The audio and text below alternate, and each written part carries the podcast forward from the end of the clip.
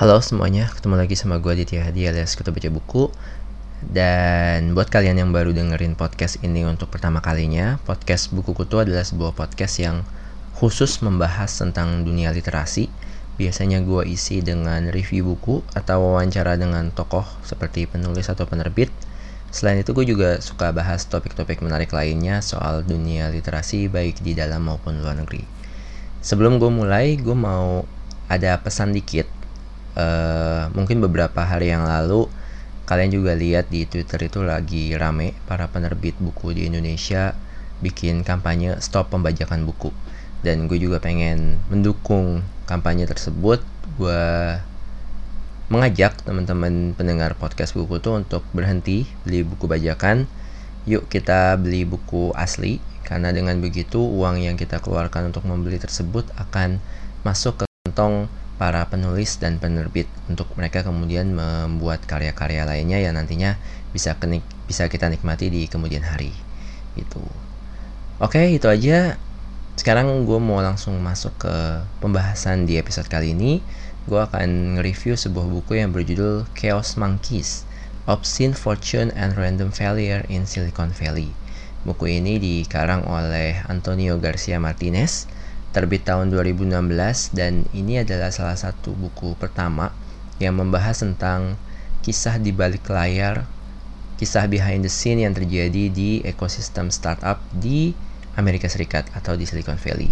Setelah ini ada tuh beberapa buku lain yang juga mengangkat tema yang sama. Buku Chaos Monkeys ini sendiri berkisah tentang perjalanan Antonio Garcia Martinez dari tahun 2010 sampai tahun 2014 dia mengawali karir di Silicon Valley sebelumnya dia nggak di Silicon Valley sebelumnya dia bekerja sebagai analis di perusahaan finansial namanya Goldman Sachs kemudian dia keluar untuk masuk ke sebuah startup di yang bergerak di dunia periklanan yang namanya Adchemy A D C H E M Y ceritanya juga rada rada aneh karena intinya si Antonio Garcia Martinez ini pengen ih kayaknya dunia startup lagi keren ya.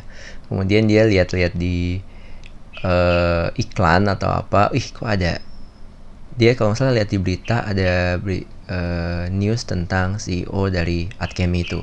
Kemudian dia ngeliat websitenya ada lowongan tentang lowongan untuk pekerjaan research scientist ya udah dia langsung ngirim aja CV-nya dan lupa abis itu. Makanya dia kaget ketika kemudian dia dipanggil untuk kerja di sana untuk wawancara kemudian kerja. Dan di tahun 2010 beberapa bulan kemudian atau beberapa tahun kemudian dia baru sadar kalau startup Adchem itu kayak gagal gitu. Ini kayak CEO-nya yang namanya Murti itu kayak dia apa ya bikin startup ini tuh jadi kayak pelampiasan egonya doang gitu. Dan tapi di situ dia kemudian ketemu dengan dua orang yang deket banget sama dia akhirnya. Namanya Matthew McEachen biasa dipanggil MRM ini dia bikin real time bidding engine di sana kemudian yang kedua itu namanya Argyris Zimnis. Dia lulusan dari sebuah laboratorium kecerdasan buatan atau artificial intelligence yang terkenal di Stanford. Nah dua ketiga orang ini Antonio si Matthew McEachen MRM sama Argyris Zimnis ini tiga-tiganya kayak sama-sama sebel lah sama Adkemi kemudian si Antonio ngelihat ada lowongan untuk masuk sebuah program akselerator terkenal di Silicon Valley namanya Y Combinator ya udahlah kita masuk aja yuk ke sana gitu akhirnya mereka bertiga mendirikan sebuah startup yang namanya AdGrok ADGROK. Mereka keluar dari Adkemi. Waktu itu mereka jadi sebelum keluar mereka nunggu dulu nih diterima atau enggak. Akhirnya mereka diterima dan ketika mereka diterima akhirnya oke lah yuk kita keluar dari Adkemi. Tapi setelah itu ada masalah yang melanda mereka. Yang pertama si Argyris Zimnis ini sebenarnya nggak punya visa untuk bekerja tapi akhirnya bisa terselesaikan juga. Kemudian mereka sempat kena tuntutan hukum karena dianggap ketiga orang ini bikin startup dari hak intelektual yang mereka dapat ketika bekerja sebagai karyawan di Adkemi. Tapi akhirnya berkat uh, pengaruh dari Paul Graham, founder dari Y Combinator sama pimpinan saat itu yaitu Sam Altman, dua orang berpengaruh ini akhirnya turun tangan untuk bantuin si Ed Grok hingga akhirnya tuntutan hukum itu hilang. Nah, kemudian di seiring berjalannya waktu, ketiga orang ini justru sadar bahwa startup yang mereka dirikan ini oh kayaknya gini-gini aja ya. Kayak nggak ada juntrungannya nggak ada masa depannya. Dan di tahun 2011 Maret 2011 tiba-tiba ada yang deketin yaitu sebuah sosial media terkenal yang namanya Twitter. Waktu itu ngobrol-ngobrol-ngobrol cukup lama cukup menyebalkan juga bagi si Antonio. Uh, ditawarin kalau gue akuisisi 5 juta startup lo mau apa enggak? Kayak gitu. Si Antonia kayak e, gimana ya? Ini kemurahan apa kemahalan atau apa? Dia sebagai orang yang baru di dunia startup tuh dia kayak bingung gitu loh. Ini gue mesti ngapain gitu. Akhirnya dia minta bantuan sama Sam Altman lagi sama kolega dia di Y Combinator sama teman-teman dia yang lain. Akhirnya dia memutuskan kayaknya AdGrok ini startup yang didirikan bersama MRM sama Argirizimnis ini kayaknya mesti dijual deh. Entah dijual ke Twitter atau ke yang lain gitu. Kenapa? Karena ya pertama nggak ada masa depannya. Kedua ini si MRM sama Argiris ini butuh exit. Mereka nggak bisa dibiarkan gitu aja gitu. Mereka punya keluarga dan lain sebagainya. Nah akhirnya Antonio ya udahlah kita jual aja ini startup. Tapi di belakang kedua temennya dia justru lagi ada tanda kutip PDKT sama Facebook.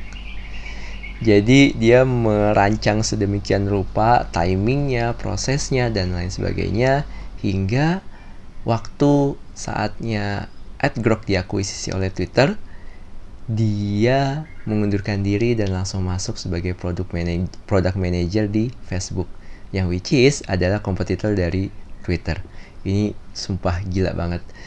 Apa yang dilakukan Antonio ini gila. Tapi nggak berhenti sampai di situ. Ketika bekerja sebagai product manager di Facebook dia juga mengerjakan berbagai macam hal. Jadi dia tuh bekerja di uh, bidang ads bidang iklan. Jadi dia bikin gimana iklan ini bisa berjalan dengan lebih efektif. Orang yang masang iklan juga bisa lebih nyaman dan lain sebagainya.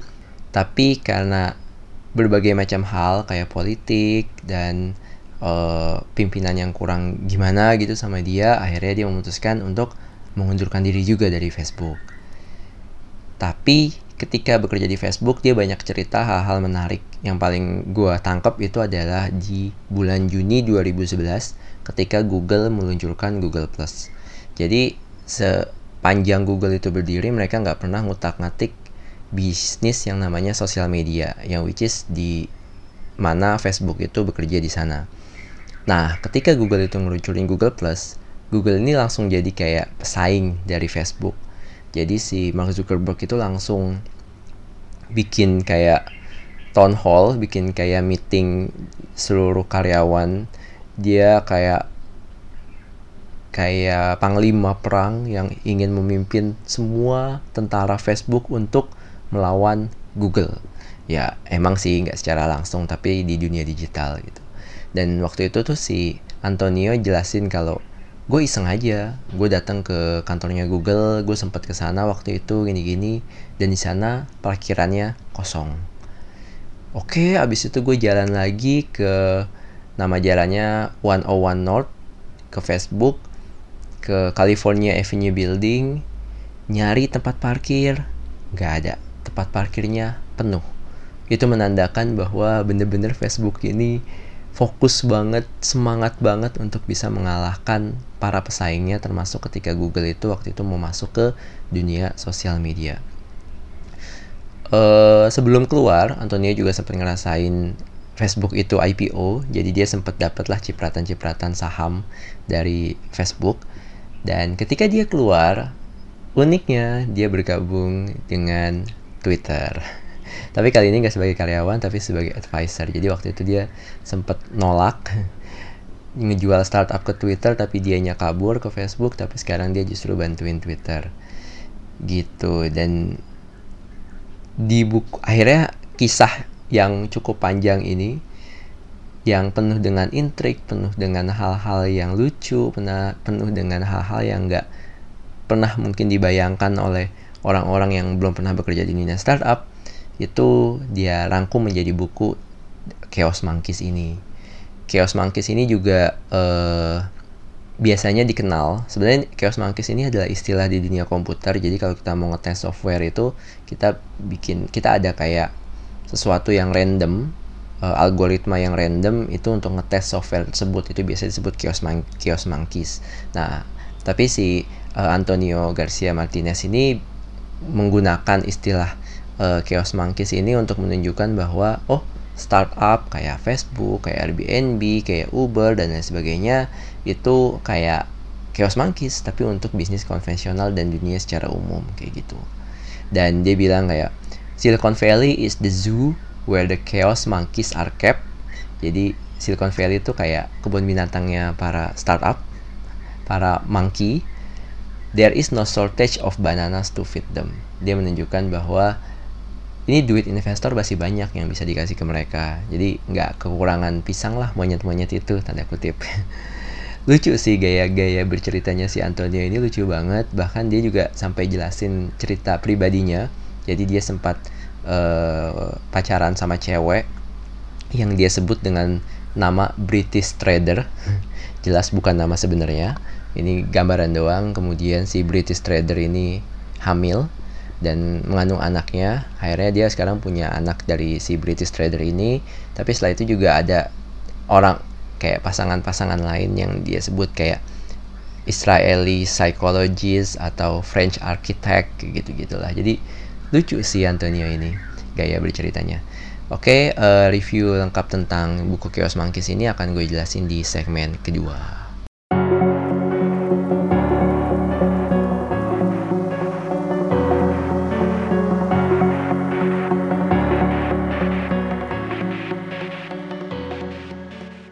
Untuk buku Chaos Monkeys, Obscene Fortune and Random Failure in Silicon Valley ini gue bisa ngasih uh, bintang 4 dari 5 bintang. Uh, ada beberapa hal mengapa gue memutuskan untuk bintang 4 aja, nggak satu atau nggak 5. Yang pertama buku ini tuh bener-bener jelasin cara yang benar dan yang salah dalam membangun startup. Ini kayak lo tuh bisa bisa tahu A B C D sampai Z-nya dunia startup itu dari buku ini gitu. Gimana caranya rekrutmen gimana caranya ngurus uh, karyawan yang bukan warga negara Amerika Serikat di sana. Gimana caranya nge ngehandle media untuk bisa bikin startup kita populer.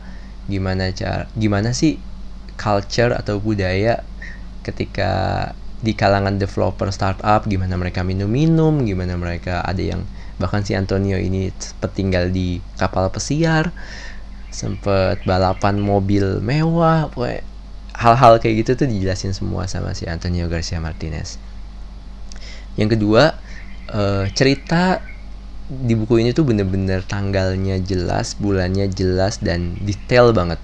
Jadi emang di awal buku ini dia bilang kalau cerita di buku ini tuh dibuat berdasarkan email, uh, post Facebook message Facebook, tweet, dan blog post dari waktu itu. Jadi ini benar-benar nyata semuanya. Bahkan kata-katanya juga kata-katanya di kayak di kopas gitu aja lah gitu.